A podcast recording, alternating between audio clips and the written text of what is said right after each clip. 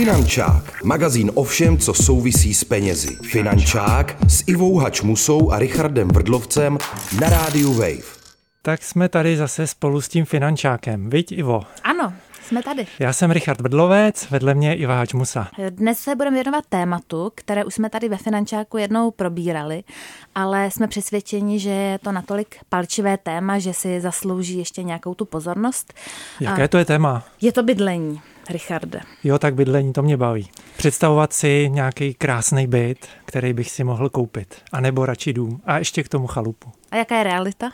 Realita je, že šetřím čas a radši se na ty inzeráty ani nedívám. To je rozumný přístup.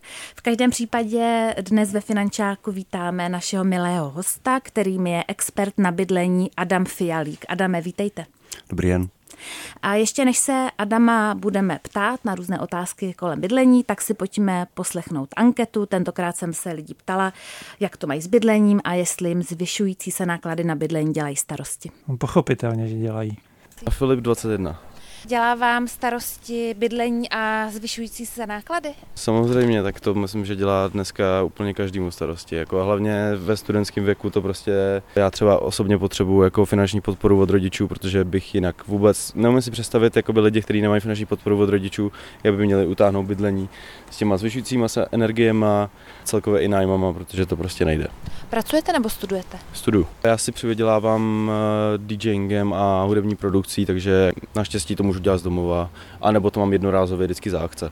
Ale kdybych měl nějakou pravidelnou práci, tak to bych asi se studiem nezvládal, jako abych to musel utáhnout. Zvažoval byste v případě opravdu nouze nějaké přídavky sociální od státu? Příspěvek na bydlení a podobně? Kdyby byly k dispozici, tak určitě. Josef a 30 rokov. Josefe, máte starosti s bydlením, respektive s tím, že se zvyšují teď náklady hodně na bydlení? Zatiaľ ešte nie, ale čakám, kedy to přijde. Zvládáte to teda zatím dobře. Ano, zatiaľ. Eh, Kdyby byla nějaká pomoc od státu, příspěvek na bydlení a podobně, eh, využil byste toho? Určite áno, určite áno. Katarína 28. Eh, Kataríno, kdybyste nezvládala bydlení platit, jaký byste měla pocit, kdybyste měla využít sociální podpory od státu? Asi by to bolo v poriadku. Pokiaľ by to nebolo zvládateľné a bola by taká možnosť, tak by to bolo v poriadku. Myslíte si, že ta situace s bydlením je kritická v současné době? Asi pre niekoho určite. Pre nás momentálne asi nie. Tereza, 20 let. Terezo, dělá vám nějaké starosti bydlení, zvyšující se náklady na energie a podobně? Já bych řekla, že ano, jelikož jsem student v mém věku a úplně čas na full-time práci není a s tím, jak jdou ceny nahoru, tak je někdy docela obtížný se do toho vejít cenově, takže bych řekla, že se mi to dotýká a trochu starosti dělá. A máte nějaké povědomí o tom, eh, jaké existují dávky sociální, například příspěvek na bydlení a podobně? Nevím, upřímně nevím. Zajímáte se o to nějak? Ne asi tak, jak bych měla. Kdyby byla ta možnost, eh, využila byste ty příspěvky? Kdyby ta možnost byla, tak určitě ráda. Připomínám, že posloucháte magazín Finančák na rádiu Wave. S námi je tu Adam Fialík a povídáme si o bydlení. Adame, my jsme tam eh, zaslechli v té anketě, že lidem ano, i když přiznávám, že tam moje, ty moje otázky byly poměrně sugestivní. Myslíte si, že ta situace s bydlením je mm, kritická, nebo je těžká, nebo jak byste ji popsal? Určitě si myslím, že pro spoustu lidí složitá, jako v současné době eh, se k velmi drahým vlastně jako nájmům a eh, hypotékám přidali i drahé energie a ceny za služby, například za teplo, takže pro spoustu lidí eh, tato zima může být podle mě velmi kritická.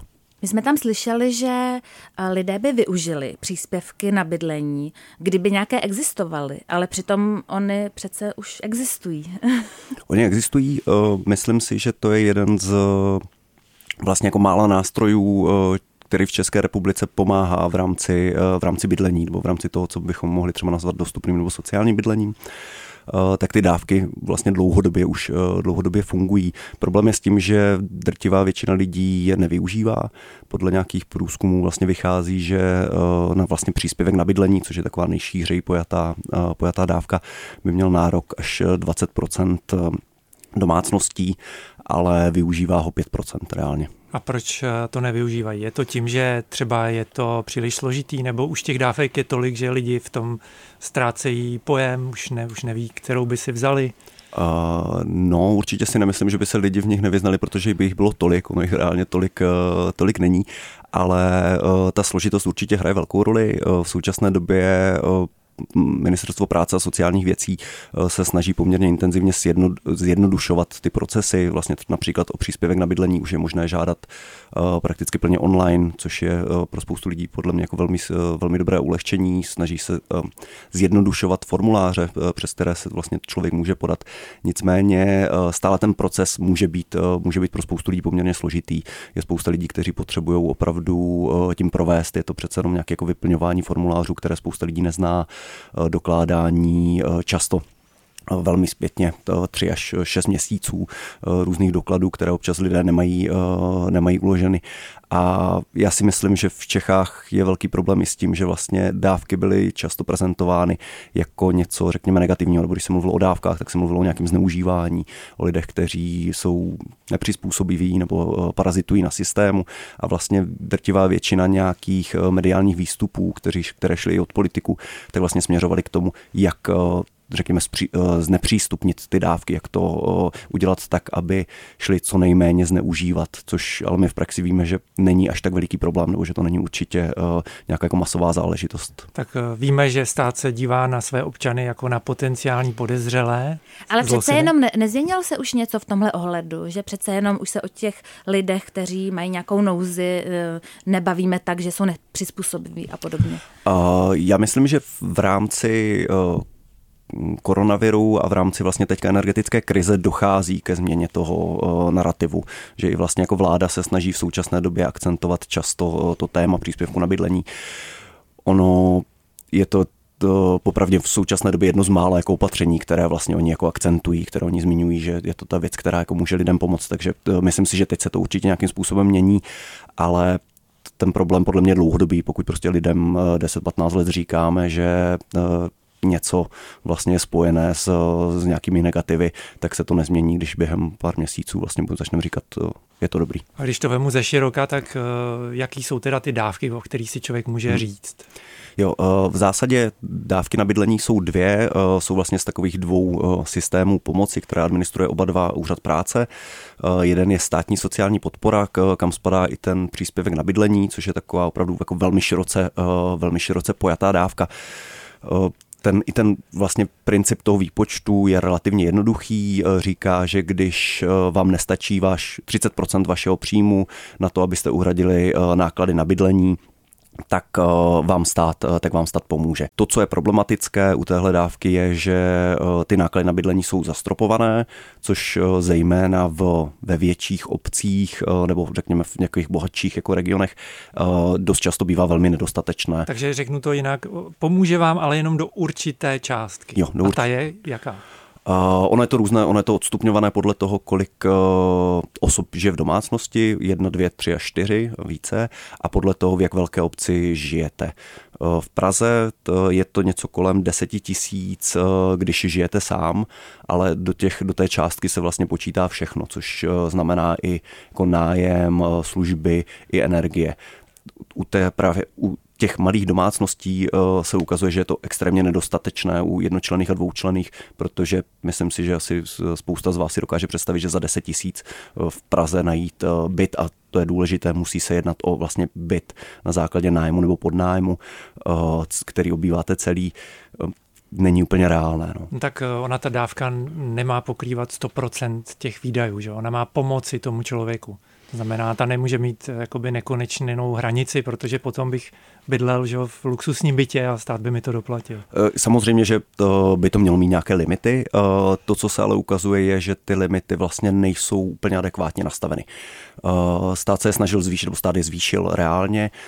Teď během října by možná mělo dojít k dalšímu navýšení, pokud vlastně z dat energetického regulačního úřadu vyjde, že navýšení uh, té spotřeby nebo vlastně té ceny, kterou obyvatele platí za elektřinu a plyn je uh, vyšší, než, uh, než, bylo, než bylo v minulosti, nebo významně vyšší, to je důležité, uh, tak se to navýší. Ale to, co vlastně je problém, je ten základní mechanismus, jak je to nastavené.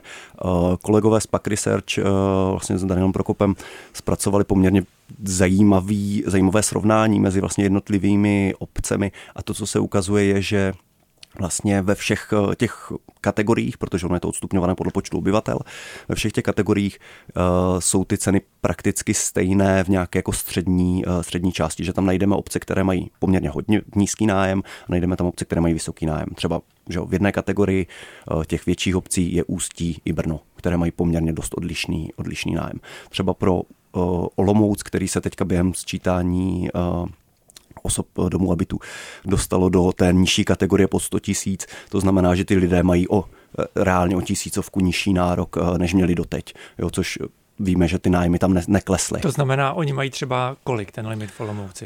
Pro jednoho člověka je to něco kolem 7 tisíc, pro třeba čtyřčlenou domácnost je to kolem něco 17, 17,5 tisíce.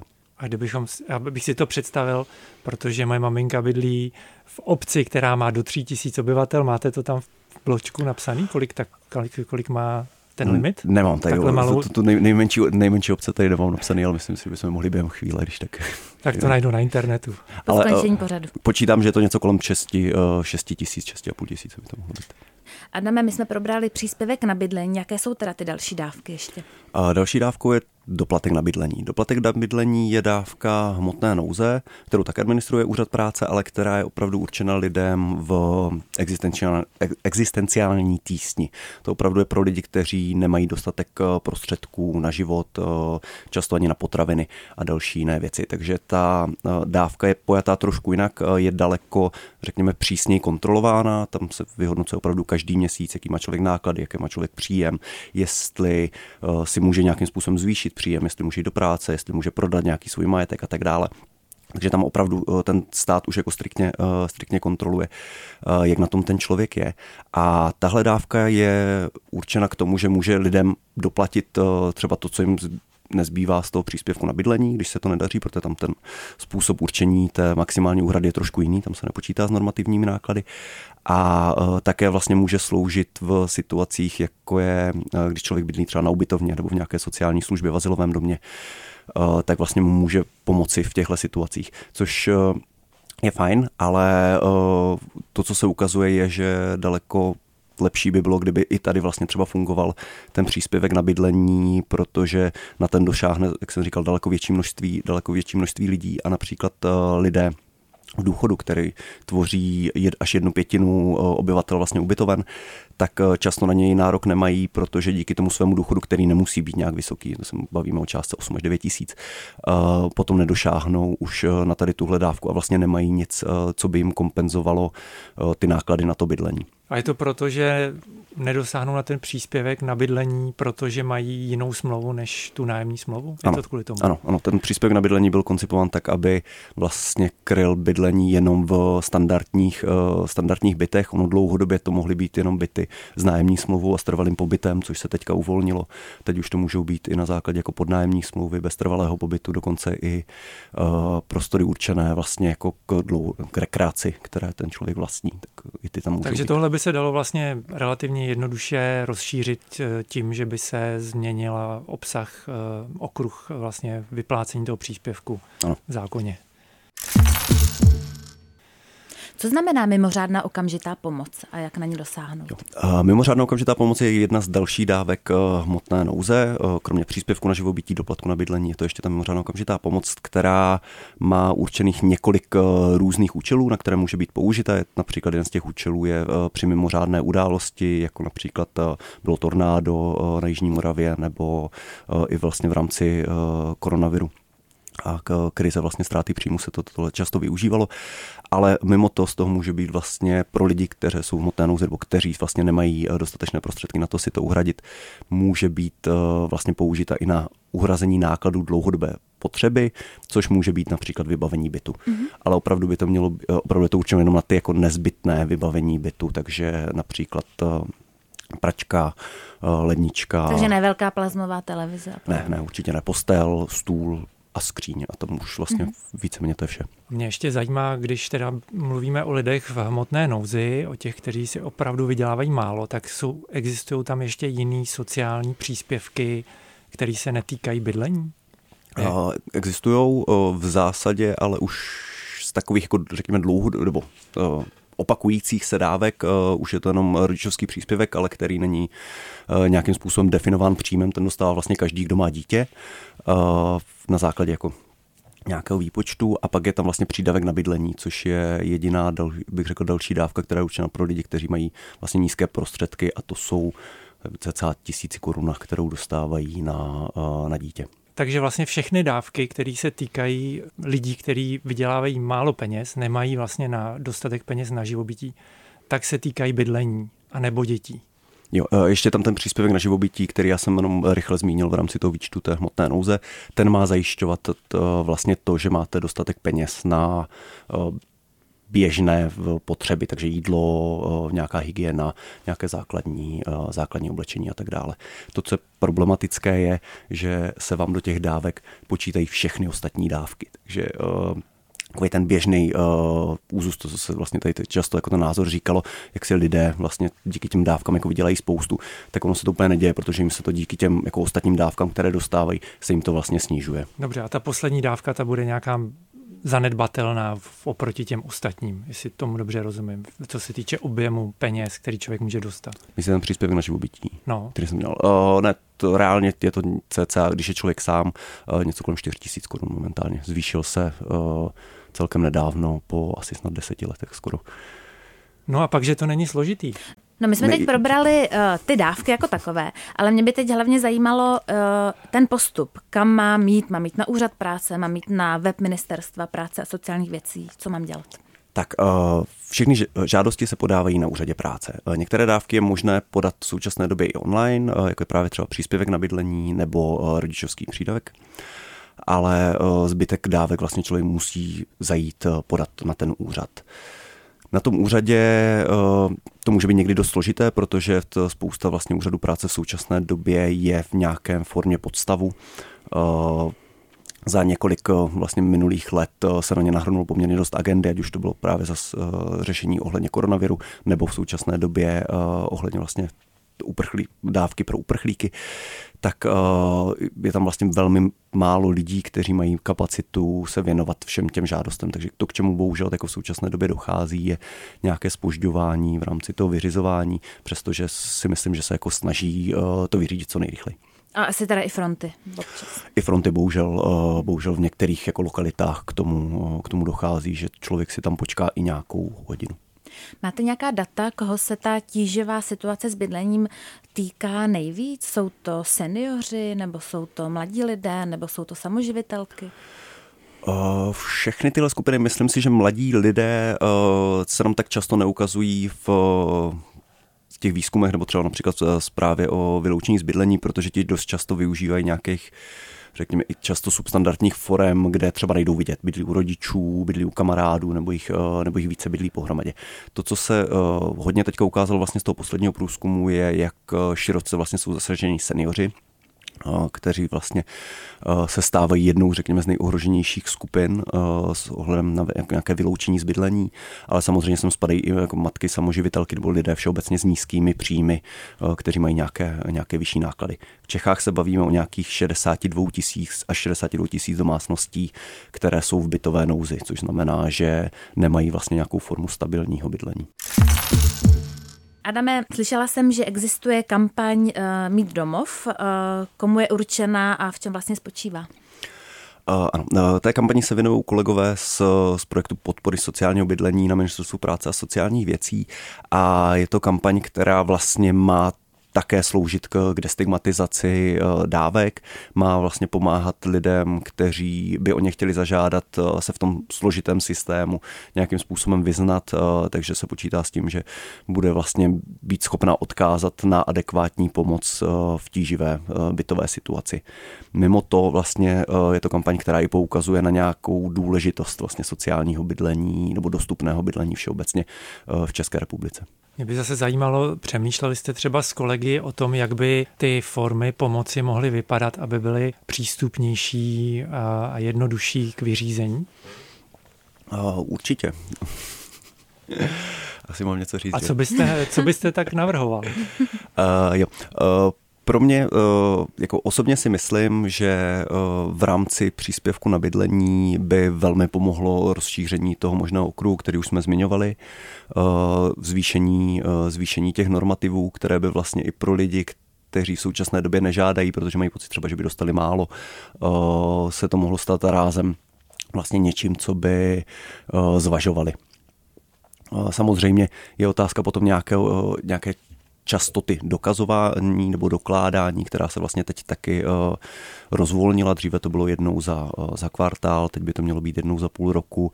Vlastně dokážu si představit, že u spousty domácností, které mají pravidelné příjmy, pravidelné náklady, by to klidně mohlo být jednou za rok. Mně ještě napadá, není třeba řešením nesoustředit se tolik jenom na objem prostředků, zvyšovat ty normativy, protože dovedu si představit, že starší lidi mají problém se změnami a třeba bydlí ve velkém bytě s velkými náklady, ale přijde jim hrozně složitý se přestěhovat do menšího. Jeden příklad. A nebo spousta lidí se dostane do, do nějaké tísně, dostanou se na ubytovnu, platí tam vlastně já nevím, kolik to je, ale slyšel jsem třeba pět tisíc za lůžko, to znamená čtyři lidi bydlej v jednom pokoji a vlastně dohromady za ten pokoj platí 20 tisíc. A kdyby eh, přišel někdo, nějaký pracovník sociální a vlastně pomohli jim najít si společný byt, tak eh, budou mít každý vlastní pokoj a budou za to platit stejně. Jo, 100%. Eh, to jsou nějaké formy pomoci, které já vidím v nějakém jako dlouhodobějším horizontu, ale myslím si, že spousta z nich jde, uh, jde zavádět jako už teď. Uh, třeba v Brně funguje uh, takzvané sdílené bydlení seniorů, což je podle mě jako skvělý projekt, kdy seniori vlastně bydlí v, často ve velkých bytech, které jsou v centru a pro spoustu lidí prostě nejsou jako využitelné, protože jsou to opravdu veliké byty, ale mají tam každý svůj pokoj, mají společné prostory. Vlastně to nahrazuje nějaké eh, velké instituce, které, eh, které jsme měli tendence stavět, takže to si myslím, že je určitě jako jeden z, eh, jeden z možných směrů. Praha se zase velmi vlastně jako zajímavě pustila do spolupráce se soukromým trhem, s městskou náj, městská nájemní agentura, která se snaží vlastně zprostředkovat nájmy dostupné lidem na soukromém trhu, kteří právě třeba bydlí na ubytovně, z které pro spoustu lidí je opravdu těžké se dostat, protože ten vstupní kapitál vlastně do toho eh, nájemního bydlení je často eh, velmi velmi velkým problémem, protože musíte zaplatit kauci, provizi kolikrát, první nájem, což pro spoustu lidí našetřit uh, takovýhle objem prostředků není reálné. Na to funguje například i uh, ta mimořádná okamžitá pomoc, nebo může fungovat, která se v současné době taky se jí podařilo rozšířit na vlastně všechny tady tyhle části, doteď fungovala jenom na tu, na tu jistinu nebo na, tu, na takzvanou kauci. A uh, ta sociální práce, kterou jste zmiňoval v tom, nebo ty sociální pracovníci jsou určitě jako potřeba. Myslím si, že často i v tom jednání s těmi úřady, protože pro spoustu lidí to vyplnění těch papírů uh, vlastně může být jako dost, dost náročné a jak už jsem zmiňoval, díky těm kapacitám na těch úřadech práce na to není úplně tolik prostoru. My jsme probrali formy pomoci a já bych se teď chtěla dostat k takovým, eh, dejme tomu, praktickým typům. Mohl byste, Adame, naše posluchače, pokud teda máte nějaké typy, seznámit eh, s tím, jak ehm, ušetřit eh, v domácnosti, co dělat, aby ty náklady nebyly tak vysoký? Jo, jo. Uh, já tím mám občas trošku problém, protože mám pocit, že jsou takové jako hraběcí rady, eh, jako, který dávám. Já připomínám posluchačům, že Adam není žádný hrabě, nemá žádný šlechtický titul, takže... Dokonce ani byt. No, může to být spousta věcí od uh, nějakého vlastně jako běžného provozu domácnosti, uh, který se týká větrání, vaření s pokličkama. To je prostě jako spousta takovýchhle drobností, které myslím si, že já to ano. říkám Martě pořád. Dávej tam tu pokličku, jo. ušetříš. A já zase dělám, když vařím špagety, tak si nejdřív ohřeju vodu v rychlovarné konvici. Je to dobře nebo špatně? A myslím si, že teď jsem celkem nedávno viděl průzkum srovnání toho, jak kolik energie vlastně to zabere a ta rychlovarná konvice patří mezi jako jedny z nejméně uh, na, na, náročné, přestože je to extrémně náročný v, v ten moment, ale vlastně na ohřev litru uh, to vycházelo poměrně, poměrně dobře. Podle mě uh, jako pokud člověk chce nějakým způsobem řešit šetření, tak eh, to, co je vlastně jako nejdůležitější, je zkusit si zmapovat, eh, kam mu jdou ty peníze.